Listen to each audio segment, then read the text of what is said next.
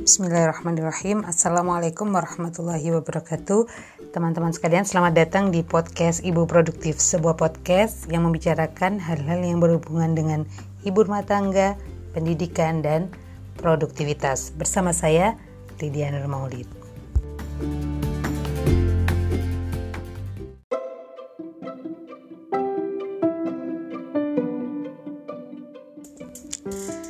Kali ini kita akan melanjutkan materi dari episode sebelumnya. Bagaimana kemudian mempersiapkan anak menjadi mukalaf? Yang pertama yang penting sekali adalah Bagaimana kita menumbuhkan fitrah baik yang ada di dalam diri anak. Karena sebetulnya kita manusia itu memiliki jalan baik yang sudah ada di dalam diri kita fitrahnya salah satunya adalah fitrah iman. Kalau Ustadz Hari Santosa menyebutnya adalah dengan kata fitrah. Atau kalau Syekh Taqiyuddin Anabani menyebutnya dengan kata goriza itu kita memiliki salah satunya adalah fitrah iman di mana fitrah ini sudah ada di dalam diri manusia. Sudah terinstal seperti program yang ada di HP kita. Di HP kita misalnya punya program-program yang memang sudah terinstal dari sananya sesuai mereknya. Nah, fitrah ini juga sama, sudah ada dalam diri kita, tinggal kemudian di-upgrade, di-update supaya kemudian tumbuh dengan baik. Di dalam Al-Quran disebutkan dalam surat Ar-Rum ayat 30. Fa'akim wajhaka lidini hanifa fitratallah illati fataran nasa 'alaiha maka hadapkanlah wajahmu dengan lurus kepada agama Allah, tetaplah atas fitrah Allah yang telah menciptakan manusia menurut fitrah itu. Dan fitrah ini adalah agama Islam. Karena juga disebutkan di dalam hadis Kullu mauludin yuladu alal fitrah. Kita sering kan mendengar hadis ini. Setiap anak itu dilahirkan di atas fitrah, di atas suci, kesucian. Hatta yu'riba anhu lisanuhu. Sampai ia bisa fasih berbicara fa'abawahu yuhawindanihi maka kemudian kedua orang tuanya menjadikan dia Yahudi au yunaswironihi atau Nasrani au yumajisanihi atau Majusi. Jadi pada dasarnya kita adalah seorang muslim karena di dalam hadis itu tidak tidak dikatakan ayu salimanihi orang tuanya yang mengislamkan. Karena anak sudah Islam sejak lahir bahkan sebelum mereka hadir di bumi sudah bersaksi. Hingga kemudian orang tuanya merubahnya. Apakah kemudian merubahnya menjadi tadi Yahudi Nasrani atau Majusi? Atau kemudian bisa menumbuhkan fitrah Islamnya dengan subur. Jadi sebetulnya mendidik anak menjadi seorang muslim yang baik itu dalam tanda kutip mudah gitu, tidak sangat sulit. Kenapa? Karena sudah ada sebetulnya fitrah baik itu. Dan orang tua harus kemudian menumbuhkannya tetap rileks dan terus meminta bimbingan dari dari Allah.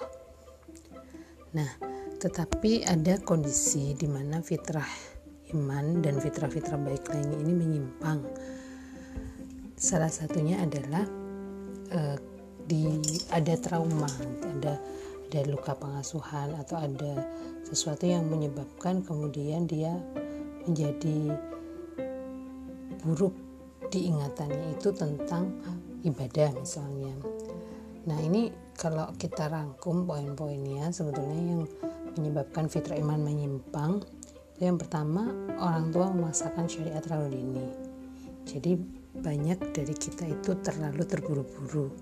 Padahal Rasulullah itu memerintahkan anak mulai diajari sholat tertib ya itu umur 7 tahun dan baru kemudian betul-betul uh, istilahnya boleh dipukul atau istilahnya sudah betul-betul di tanda kutip dipaksa ya istilahnya itu umur 10 tahun itu pun setelah sudah ditumbuhkan fitrahnya sehingga harapannya umur 10 tahun juga tidak terjadi. Yang namanya dipukul atau dipaksa, tapi mereka dengan kesadaran sendiri. Kalau kemudian kita menganggap bahwa lebih cepat lebih baik, nah ini adalah anggapan yang kurang tepat karena sebetulnya semua itu sudah ada masanya. 0 sampai 7 tahun itu memang anak-anak masih masa bermain ini juga sudah banyak ahli yang kemudian meneliti menyampaikan bahwa memang anak-anak itu usia 0 sampai 7 tahun itu ya full bermain cuma nanti di permainan itulah kemudian kita memasuki dunia mereka dengan menanamkan keimanan, akhlak dan menstimulasi perkembangan motorik, pengembangan sensorik, dan lain sebagainya. Yang kedua, yang bisa menyebabkan fitrah iman menyimpang itu ialah saat kecil hanya dibiasakan dengan ibadah, tetapi tidak diajak mencintai Allah dan ibadah. Jadi hanya habit-habit saja tanpa kemudian ditanamkan kecintaan, memahami, menyadari seseorang kalau hanya ditanamkan kebiasaan ya seperti robot ya jam sekian segini segini ini tapi mereka nggak ngerti kenapa saya harus melakukan itu. Strong why apa yang kemudian saya harus melakukannya? Apa yang menyebabkan saya melakukannya kenapa? Itu tidak ada. Sehingga saat uh, berubah lingkungan ataupun saat sudah berupa pandangan, maka mereka tidak akan melaksanakan habit yang sudah dibiasakan tadi. Tidak salah membiasakan anak, tetapi harus kemudian disertai dengan ajakan untuk mencintai Allah dan memahami kenapa saya harus beriman dan lain sebagainya. Yang ketiga, yang menyebabkan fitrah iman menyimpang tidak diajak bertadabur tentang kebesaran Allah, kemudian berpikir tentang kemahakuasaan Allah sehingga tidak tertanam akidah yang yang kuat pada diri anak. Karena sebetulnya untuk akidah ini harus e, kalau Syekh Taqiyuddin Anabani di kitab Nidhum Islam itu mengatakan akidah itu harus tasdikul jazm, pembenaran yang pasti sehingga memang betul-betul kita meyakini adanya Allah, meyakini keimanan. Saya dulu juga sebelum ya, sebelum mempelajari uh, beriman bagaimana sih beriman yang benar, merenungi, memikirkan itu juga kayak apa ya, sholat itu kayak masih nunggu disuruh orang tua. Menutup aurat itu juga masih setengah-setengah.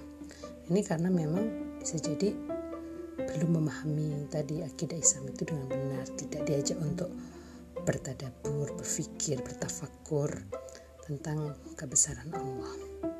Dan yang terakhir yang menyebabkan fitrah iman menyimpang adalah tidak ada atmosfer kesolehan di sekitarnya atau teladan. Karena kesolehan itu ditularkan. Orang tua selalu dicontoh oleh anak-anaknya. Anak-anak ini peniru yang sangat ulung saat orang tua kemudian memberikan contoh yang baik bergembira saat mereka beribadah maka anak-anak juga menganggap oh beribadah adalah sesuatu yang menyenangkan sesuatu yang ditunggu-tunggu. Lalu pertanyaan berikutnya yang juga uh, kemarin ditanyakan gitu ya di Kulwab. Bagaimana kemudian kita menumbuhkan fitrah-fitrah baik ini? Menumbuhkan benih-benih baik yang sudah ada di dalam diri anak dan diri kita sendiri. Nah, saya memberi singkatan itu adalah CPAH. C-nya adalah cinta, P-nya adalah pahamkan, A-nya adalah amalkan, dan H-nya adalah habit atau kebiasaan. Nah ini kalau kita hanya melaksanakan amalkan dan habit tanpa cintai dan fahami, maka seperti robot-robot saja melaksanakan tapi tanpa makna, melaksanakan hanya karena disuruh, melaksanakan hanya karena ada orang tua, melaksanakan hanya karena menggugurkan kewajiban. Banyak gitu anak-anak ataupun mungkin kita dulu waktu kecil wah pura-pura sholat nih karena ada orang tua atau orang tua saya nyuruh. Bukan karena kesadaran diri sendiri atau belajar hanya karena oh besok ujian saya harus belajar. Bukan karena belajar karena saya penasaran. Belajar karena saya ingin tahu tentang hal itu.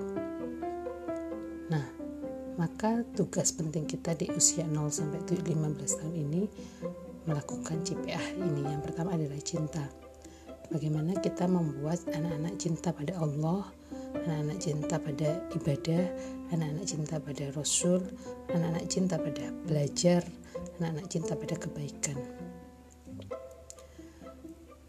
kita saat anak-anak usia 0 sampai 7 tahun di mana imaji mereka sangat baik seperti di episode sebelumnya harus memberikan imaji yang baik kepada ibadah imaji yang baik terhadap Allah setiap aspek kehidupan kita selalu mengingatkan tentang keberadaan Allah, mengingatkan tentang asmaul husnanya Allah. Kalau misalnya waktu makan, kita tidak hanya mengatakan eh ayo berdoa sebelum makan, tapi kita mengatakan ayo berdoa sebelum makan. Alhamdulillah ya Allah atas rizkimu. Masya Allah ya ini rizki dari Allah Ar-Rozak yang maha pemberi rizki saat jalan-jalan melihat bunga yang indah, masya Allah indahnya bunga ini. Ini adalah ciptaan Allah Al-Jamil, Allah yang maha indah. Yuk anak-anak kita bersihkan tempat main karena Allah itu menyukai keindahan. Allah itu maha indah, menyukai keindahan. Jadi di gambaran Asmaul Husna itu uh, dibumikan oleh ibunya, oleh orang tuanya ya memang untuk menyalurkan ibu-ibu kan wanita kan punya hasrat untuk menyalurkan beberapa puluh ribu kata nah yaitu disalurkan ke sana. Ibu harus cerewet untuk kemudian menggambarkan kebesaran Allah. Selain tadi selain di seperti ibu sebelumnya bergembira di harus selalu mengenalkan asmaul husna sehingga mereka cinta kepada Allah. Masya Allah Allah maha baik Allah maha pengasih, Allah Maha Penyayang, Allah Maha Indah, Allah Maha Pemberi rezeki dan lain sebagainya. Saat kemudian uh, C-nya ini sudah terbentuk, maka ke nya nanti sangat mudah kepahaminya nanti. Cinta pada Allah itu juga bisa kita dengan menceritakan tentang kemahamuran Allah, kemudian keindahan surga dan lain sebagainya. Cinta pada Rasulullah, kita bisa senantiasa menceritakan bagaimana Rasulullah, bagaimana betapa mulainya akhlak Rasulullah, menceritakan siro dengan masuk ke dunia mereka. Karena dunia mereka ini memang 0 sampai 7 tahun masih sangat imajinatif gitu. Mereka sangat senang justru kita beritahu tentang uh, surga. Nah, untuk neraka nanti nanti dulu ya, usia 7 sampai 15 tahun. Nah, kita untuk kemudian mencintai ini akan sangat bisa ya dilakukan dengan uh, melihat keteladanan juga. Saat orang tua kemudian uh, bergembira melaksanakan ibadah begitu konsisten melaksanakan ibadah. Jadi memang saat kita menumbuhkan fitrah anak ini kita juga menumbuhkan fitrah diri kita sendiri begitu kalau kata Ustadz Haris Santosa. Jadi saya merasakan sendiri ya saat uh, saya lebih rileks oh ternyata anak itu ada waktunya. Kita tidak perlu mengejar-ngejar anak itu harus bisa cari lah usia segini harus hafal ini itu. Memang itu uh, bagus ya untuk menjadi anak menghafal Al-Quran itu sangat bagus. Untuk menjadi anak yang pintar ini itu itu juga bagus. Tetapi saat tidak dibarungi dengan memunculkan kecintaan memunculkan kesadaran maka itu hanya hanya ada di awal-awal saja. Dan uh, takutnya gitu ya takutnya saat mereka justru dipaksa sebelum waktunya itu seperti tumbuhan yang dipaksa mekar dikasih pupuk dan sebagainya padahal belum waktunya lebih rileks saja usia 0 sampai 7 tahun itu dengan memberikan keteladanan memberikan pengenalan kecintaan kepada Allah. Baru nanti saat mereka itu sudah mulai bertanya mulai aktif itu mungkin usia eh, lima setengah tapi usia pasnya ya tujuh tahun kan mereka siap belajar itu baru kemudian kita beri pemahaman. Walaupun uh, usia sebelumnya kan sudah kita beri ya dengan menumbuhkan kecintaan tadi. Nah insya Allah di podcast selanjutnya kita akan lebih mendalami bagaimana yang P paham pahamkan A amalkan dan H menjadi habits. Sampai jumpa di podcast selanjutnya. Jika teman-teman suka pembahasan podcast ini silahkan like, share ke teman-teman yang lain supaya banyak yang kemudian bisa mendengarkan. Tetap beramal soleh, produktif. Wassalamualaikum warahmatullahi wabarakatuh.